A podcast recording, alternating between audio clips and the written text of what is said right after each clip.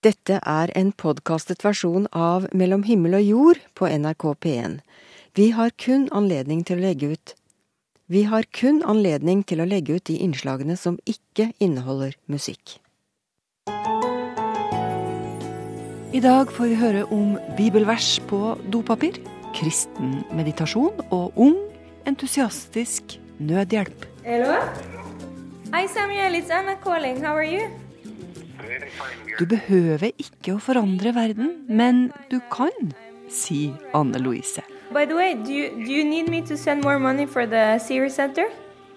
Margrethe Nåvik heter jeg. Edvardo Andersen, eller Doddo om du vil, framsnakker døden i Mellom himmel og jord i dag.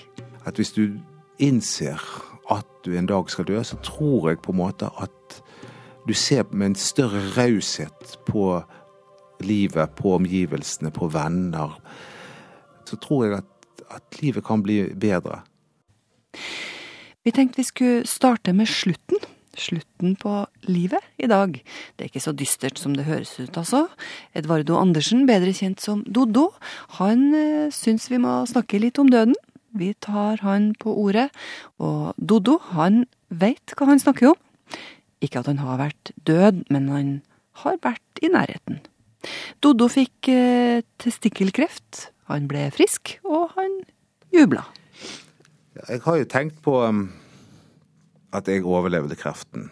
Jeg jublet kanskje litt for høyt eh, en periode, tenkte jeg. Fordi at eh, jeg overlevde denne gangen, men til slutt så, så taper jeg kampen.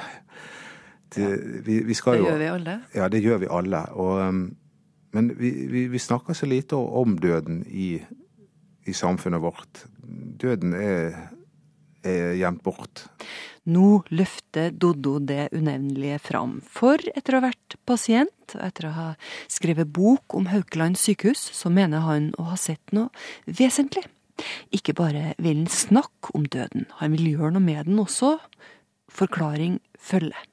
Hvis vi skal fortsette å behandle alle sånn som vi gjør i dag, sier Doddo, alle skal ha rett til den dyreste og beste behandlinga, alle skal få utsatt døden så lenge som mulig. Ja, da går det jo ikke, for vi blir flere og flere, vi blir gamlere, sier han, og han forklarer det her sidesporet som eh, han mener vi er inne på, med en velvillighet som har gått for langt, på en måte.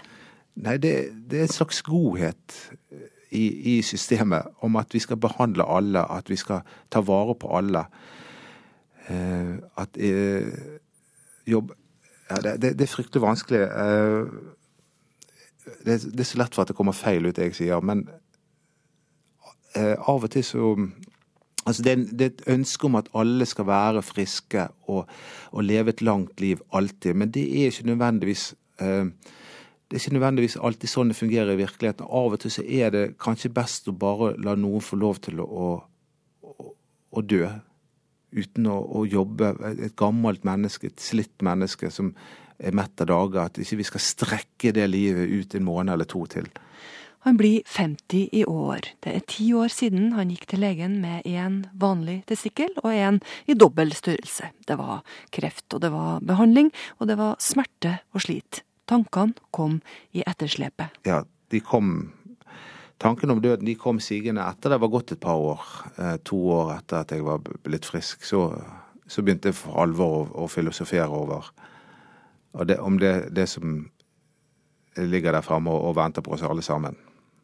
Jeg var jo 40 år når jeg fikk kreft, eh, og jeg tror det var en sammenheng at eh, at du kommer sånn halvveis i livet det er jo vanlig med 40-årskriser, men min kom samtidig med at jeg fikk kreft. Så da tror jeg det blir det at 40-årskriser eh, kommer jo fordi at det er i den alderen man for alvor begynner å forstå at livet var, er ikke evig. Så I kombinasjon med at jeg hadde hatt en alvorlig eh, sykdom, gjorde at jeg da begynte å tenke mye på, på døden. Mm. Men jeg prøvde å tenke på det på en, på en positiv måte, da. Prøvde å gjøre meg venn med døden. Ikke på denne her depressive måten at jeg ønsker å dø nå, det vil jeg overhodet ikke. Men, men, å venne meg til tanken at jeg, at jeg, en dag skal dø, og at den dagen det skjer, at det nødvendigvis ikke er en katastrofe. Mm. Det er en vanskelig øvelse, kanskje? Ja, det er det. Det er en, det er en daglig øvelse. Ja. Men eh, du sier at du har tenkt en del på døden. Har prosjektet vært å, å bli fortrolig med det, eller har du noen tanker om hva døden er? Ja, nei, det, jeg skulle likt visst svaret på det, da. Eh, jeg, jeg, jeg skulle jo ønske at jeg var eh, At jeg hadde en tro. At jeg hadde, var trygg på troen min. For jeg føler at det gir en eh, det må, det må jo gi en trygghet, tenker jeg. Men jeg, jeg klarer ikke å se at det er noe annet enn absolutt ingenting på den andre siden. Men du skulle gjerne likt å tro det? Jeg skulle likt å visst, eh, fordi at ifølge eh, en del religioner så er jo det faktisk døden er ikke, det er ikke slutten, men det er faktisk begynnelsen. Ja. Heldige de som tror på det. Men eh, det, det gjør jo ikke jeg, da. Men hvorfor skal vi på død og liv, holdt jeg på å skulle si, snakke om det her? Hvorfor, mener Doddo, er det så viktig da å bry seg med døden, når man tross alt er i livet? Tanken på at døden, hvis du har et bevisst forhold til døden, så blir livet bedre. Ser din egen forgjengelighet, det er det du tenker? Ja. Ja. Og det gjorde du da du var ca. 40? Eh, ja. Ja. Nei, altså, jeg, jeg, jeg tror jo at eh, døden må, må på bane igjen, holdt jeg på å si. At eh, det er veldig fint med kirken som, som snakker om døden, eh, men ellers i samfunnet så, så er vi for lite flinke til det.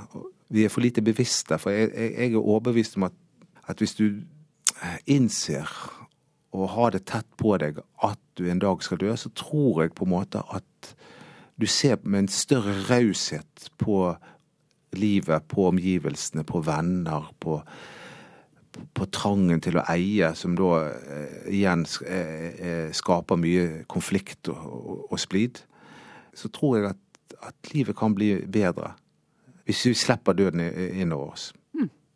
At den ikke bare skal være ute i kirken, men være rundt oss, være en del av samtalene våre av og til. ja. Hvordan opplever du det da, i møte med andre folk, hvis du bringer det her temaet på banen? Nei, det er jo um, det, er, det er veldig vanskelig å komme i en posisjon der du kan begynne å snakke om døden. Det er ofte upassende. Så det er ofte ikke sånne samtaler. Nei. Det er bare på radio. Ta en prat om døden, sier Edvardo Doddo Andersen. Da har vi fulgt oppfordringa i noen minutters tid, så kan jo du eventuelt ta det videre, hvis du nå skulle ha blitt inspirert av Doddo. Du behøver ikke forandre verden, men du kan! Det her er slagordet til Anne Louise Hybert, som er bare 23 år, men driver sin egen bistandsorganisasjon. Aid in Action har så langt hjulpet mer enn 15 000 mennesker i Kenya. Min kollega Kjetil Lillesæter har blitt eh, litt bedre kjent med denne engasjerte legestudenten. Hello? Hi, Samuel. It's Anna calling. How are you? Very fine, you doing very well. Me, I'm very fine. I, I'm in school right now, but uh, I wanted to get an update from uh, the weekend and some of the projects going on. Anne Louise Hybert snakker på mobiltelefon med en av medarbeiderne sine i Kenya. Gjennom eh, bistandsorganisasjonen sin, Aid in Action, så bygger hun nå et eh, barnesenter for 100 gutter og jenter i byen Katangi. Uh-huh. Uh, by the way, do you, do you need me to send more money for the Series Center? Vi sitter inne på et lite seminarrom i bygg 25 på Ullevål sykehus. Yeah. Oslo-jenta Anne Louise møter meg etter ei forelesning, ikledd hvit legefrakk og med det blonde håret fletta i en hestehale. Hun er legestudent, og fra lesesalen i Oslo fjernstyrer hun hjelpearbeidet sitt i Kenya. Okay, it will come very soon, I guess. If you go to the bank tomorrow or something, it's there. Det er hvite, sterile vegger rundt oss, men historien Anne Louise forteller er både varm og fargerik. Det begynte da jeg var 19 år og dro på backpacking uh, alene rundt jorden. Jeg hadde et stort ønske om å, å hjelpe noen, men jeg visste ikke helt hvor jeg skulle starte. Så jeg kjente en jente da, på turen. Som bor i Nairobi. Så spurte jeg om hun hadde noen andre kontakter innenfor skole eller barnehjem hvor jeg kunne komme og være frivillig. Og så Hun kjente én person som kjente en annen person. Det var Samuel, og han tok meg med til landsbyen Gombolo.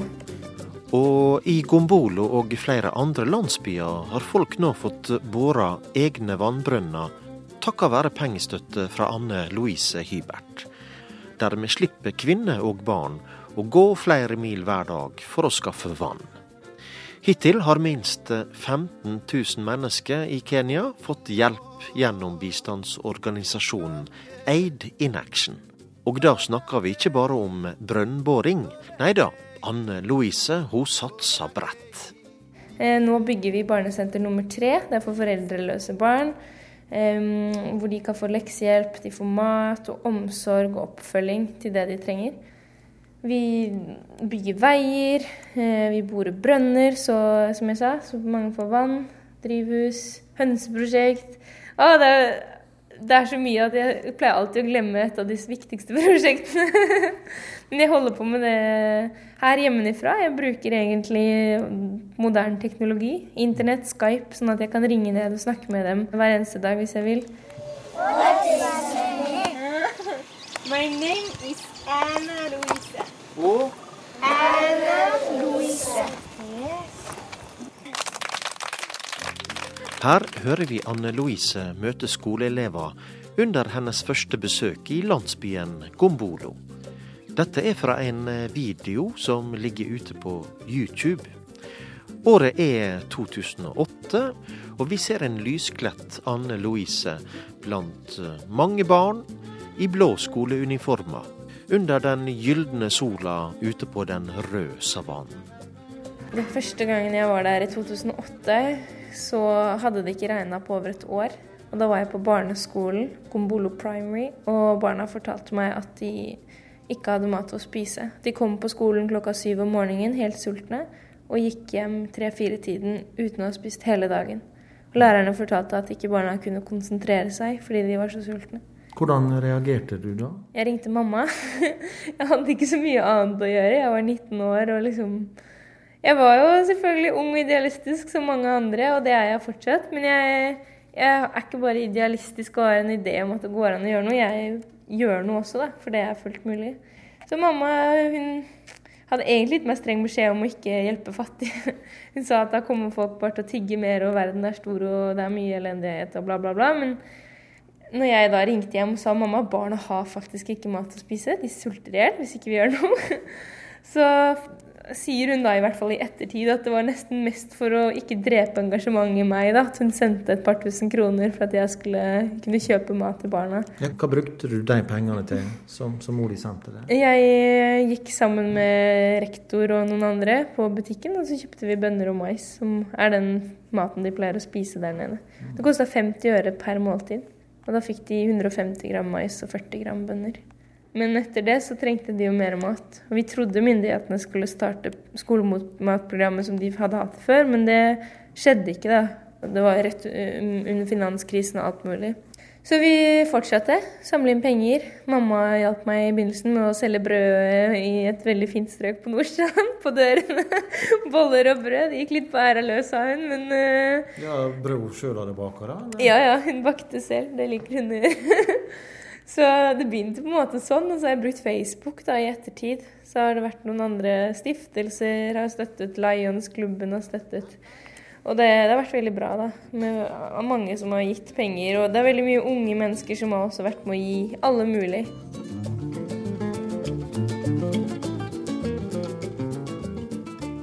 Alle pengene Anne Louise samler inn, går direkte til bistandsprosjekt og nødhjelpsarbeid. I fjor samla hun inn over to millioner kroner. Pengene kommer fra privatpersoner, menigheter og organisasjoner som Lions Club. I Kenya har hun 15 lokalt ansatte i bistandsorganisasjonen sin, mens hun sjøl bor i kollektiv og studerer til å bli lege på Ullevål sykehus i Oslo. Det har betydd så mye for de barna. Så når jeg kom ned der i, i juleferien sist, så sa barna 'mam, mam'. Spurte jeg hvorfor kaller dere meg mamma, hva skjer da? og så sa de bare You give us food! Du gir oss mat. Og det var skikkelig rørende.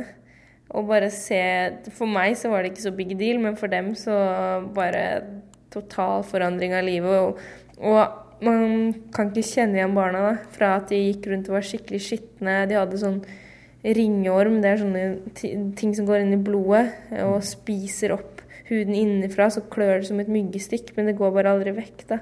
Så Det ser nesten ut som de har mugg på hodet. De hadde fått medisiner for det, og de hadde lagt på seg, og rene og pene. Å, det var helt fantastisk å se de barna. Nå skiller de seg ikke så veldig ut fra resten av barna lenger. Jeg gjorde det én gang, det var når jeg hadde bursdag. Så snakket jeg med dem, da, og oh, we, we will give cake to the children, sa Samuel, da, som leder prosjektene. Og så sa jeg OK, jeg skal sende ned 70 kroner, for det er 1000 shillings, da. Så dere kan kjøpe en ordentlig kake. Og da fikk jeg tekstmelding dagen etterpå fra Samuel hvor han sa at eh, barna fikk kake, og så fikk jeg bilde da med 'Happy birthday Anne 22 years old'. Og så skrev han at barna De aller fleste barna hadde aldri smakt kake før. Det syns jeg var skikkelig sterkt. Og bare Oi, liksom. Her har vi det så godt, og de de har ikke smakt en eneste kake. De vet ikke hva en brus er en omtrent. Og svær bløtkake. Så det, åh, det er så mye man kan gjøre som er så veldig lite for oss, da. Men som for dem betyr det veldig forskjell.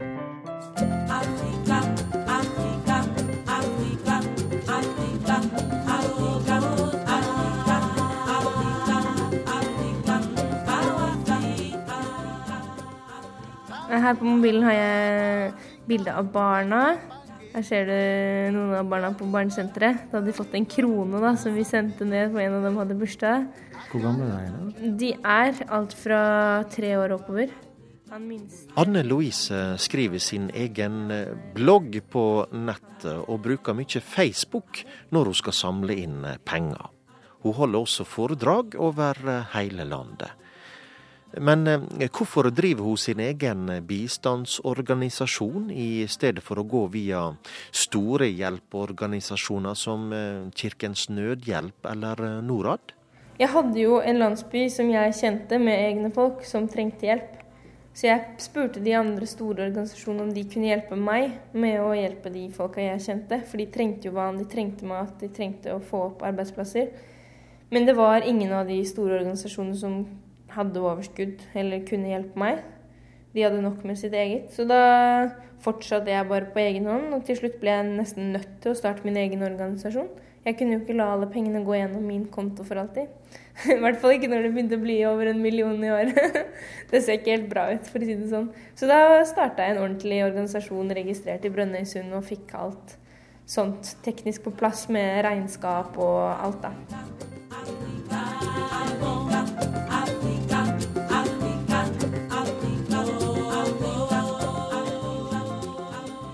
Jeg har et slagord som er 'du behøver ikke forandre verden, men du kan'. Så jeg ønsker rett og slett å, å være med å forandre verden, men også å vise andre at det er mulig å gjøre en forskjell. Da. Og jeg kan ikke forandre verden alene, men jeg kan jo få inspirert veldig mange flere da, til å, å begynne et sted, i hvert fall. Enten det er i nabolaget, eller hjelpe en alenemor, eller om det er å hjelpe noen langt unna. Hva drømmer du om? Jeg drømmer om å se en verden hvor ikke det bare er internett og store firmaer som er globalisert, da, men at omsorg og omtanke for medmennesker er også globalisert på samme måte. At man skal ha omtanke for andre på tvers av landegrenser. Det var reporter Kjetil Lillesæter som tok en prat med Anne Louise Hybert. Det innslaget her har eh, tidligere blitt sendt i God helg. Det her er en av eh, Paul Simons mindre spilte melodier, i alle fall på radio. Tenderness heter den fra akkurat 40 år tilbake. Plata kom ut på vårparten i 1973 og heter There Goes Rhyming Simon. Kritikerne var over seg av begeistring. Det her var et mesterstykke. Helt enig var de, så å si. Aldeles samstemte er ikke det knippet mennesker vi nå skal høre på. Det skal handle om å tørke seg bak med vakre ord. Lambi har trykka bibelvers på sitt toalettpapir, nemlig. Det dreide seg om at de oppfordra brukerne, hvis vi skal si det, til å sende inn kjærlighetssitater til denne dorullfabrikanten. Så satt de da her, de som jobber i Lambi, og plukka ut de setningene de syntes var finest. Og bibelvers er jo ofte fine, for fine kanskje, til dobesøk i dopapiravdelingen på Meny Union Brygge i Drammen, så var meningene. Reporter i dette innslaget var Odd Vegard Kanda. Ja, får du litt input om morgenen, litt sunn bibelhistorie. Hva tenker du om det? Nei, folk dør sikkert ikke av sånt. Men Er det greit å tørke seg i baken med bibelvers? Hvis du snur det sånn, så høres det jo gærent ut, men det er liksom Ja, det er helt greit. Helt bortkasta. Tull. Hvorfor det? Nei, hvorfor skal bibelvers på noe toalettpapir, da? Det er jo Nei, det syns jeg ikke noe om. Det står skrevet i Matteusevangeliets kapittel 6 vers 21, ja og for øvrig også på Lambis toalettpapir, at for hvor din skatt er, der vil også ditt hjerte være. Det andre verset er hentet fra Kjærlighetens høysang, første Korinterbrev 13 vers 7. Kjærligheten utholder alt, tror alt, håper alt, tåler alt. Disse versene er ifølge biskop i Tunsberg Leila Riksåsen Dahl nokså generelle, men de bør ikke brukes til å tørke seg i baken med. Vi ville f.eks. Eh, ikke tørka oss bak med det norske flagg. Min umiddelbare reaksjon er at det er platt, det er smakløst, og det er kanskje ikke helt gjennomtenkt. Det er den svenske toalettpapirprodusenten Mesta Tissue som har trykket bibelversene på dopapiret. De kjørte en kampanje på Facebook der de ba om korte tekster som omhandler kjærlighet. Selv om de to bibelversene er nokså allmenne, mener Riksåsen Dahl at Lambi har bommet. Fordi bibelvers er ikke fra hvilken som helst bok, det er fra en bok som er hellig for mange. Det har en dimensjon til noe guddommelig. Og jeg syns dette da vitner om at en ikke har helt sans for eh, hva det hellige betyr. Kristina von Trampe, som er markedsføringsansvarlig for Lambi, beklager at de trykket bibelvers på toalettpapiret. Hun sier at de rett og slett ikke visste at disse sitatene kom fra Bibelen. Eftersom det her har opprørt en del mennesker, så beklager vi det hele veldig mye. Det har ikke vært vår avsikt å gjøre folk opprørte, utan tanken var bare å formidle våre konsumenters tanker om kjærlighet. Eh, men vi har tatt besluttet i dag at fra og med neste produksjonstilfelle så kommer vi ikke å produsere noe som helst mer ruller med de her bibelsitatene på. Visste dere ikke at disse sitatene var tatt fra Bibelen? Nei, det visste vi ikke. Hadde vi vetet det, så hadde vi aldri trykt dem på rullene. Og selv om man kanskje når ut med Den hellige skrift til flere ved å trykke bibelvers på toalettpapiret, mener biskop Riksåsen Dahl at det er en helt feil måte å gjøre det på. Jo, det er liksom den kreative måten å tenke på. Men, men jeg syns en må se det i forhold til hva vi bruker det papiret til. Meditasjon i Den norske kirke, det hører vi kanskje ikke så ofte om, selv om det muligens foregår sånn i det stille. Men da den opprinnelige danske prostipresten Anna Ramskov Laursen dro på en tiukers studietur til Østen, så kom hun tilbake med sekken full av inspirasjon. Og det her ble til slutt da ei bok om kristen meditasjon. For det Anna hadde sett og følt der, det gjorde noen ting med hun. Det kjentes som om vi var på hellig grunn. Det var en litt sånn følelse av at hårene reiste seg på armene, og at det var en glød, et, et nærvær, en ild, eller hva man skal si. Selv om folk gikk veldig sånn stille, så bare kjentes det som et sterkt nærvær. I et tidligere grisehus i en kinesisk landsby fikk presten Anna Ramskov Laursen et sterkt møte med en liten kristen menighet. Og jeg husker ennå den stemningen. Det var så stille der. Men i øynene deres så brente en sånn glød som jeg aldri har opplevd noen annen plass i verden. Eh, Siden det var en glød du ikke hadde sett før, hva tror du de hadde som du ikke hadde funnet noe annet sted? Jeg tror at de hadde en kilde i seg som Jesus snakker om et sted. At den som tror på ham, har en kilde i seg som er Den hellige ånd. Den kilden den er i, egentlig i alle som tror og, og som ønsker å ha kontakt med Gud. Jeg tror at det var ekstra tydelig der, fordi at de var fattige mennesker som ikke ble forstyrret av all den materialismen og velstanden som vi blir så veldig opptatt av her. Så de hadde vært nødt til å gå til kilden. Og den opplevelsen der var en sånn opplevelse av at her er Gud til stede, her er Guds ånd til stede. Og egentlig så trenger ikke jeg å reise til verdens ende, altså dra til Kina, til en fjern landsby, for endelig å skjønne det. Fordi Gud er jo også her. Guds ånd bor jo også i oss. Og, den kilden finnes faktisk i oss alle sammen, hvis vi vil gå til den. Anna tilbrakte til sammen ti uker i Kina og Hongkong i 2003. I Hongkong brukte hun mye tid på et kristent åndelig senter, et sted for dialog mellom kristen og buddhistisk religion og tradisjon, og et sted for meditasjon og stillhet. Anna er ikke den første som har blitt inspirert av Østens meditasjonstradisjoner. Det har mange gjort før hun. Mange av de som uh, jobber som åndelig veileder i, i kristen tradisjon i dag og på 1900-tallet, de har jo ofte hatt uh, nært vennskap med eller en inspirasjon, især fra østlige uh, meditasjonsformer. Så, så, denne utvekslingen mellom øst og vest har, har nok vært der veldig mye innenfor meditasjonen og spiritualiteten. Mye mer enn det vi har vært vant til å tenke her i, i Norge og i Norden, tror jeg.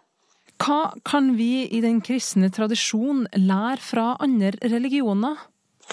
Jeg tror vi kan lære ganske mye, fordi det er eh, mye positivt i alle religioner. Og noen har sett noe som ikke vi har sett, og omvendt. At vi kan berike hverandre. Etter oppholdet dro Anna hjem til Norge med bagasjen full av inspirasjon. Og i vinter kom boka hennes om kristen meditasjon, der hun beskriver ulike former og måter å gjennomføre det på. Meditasjon har kanskje ikke stått veldig sterkt i nyere kristen tradisjon, og har ofte blitt møtt av skepsis. Anna mener det er flere grunner til nettopp det.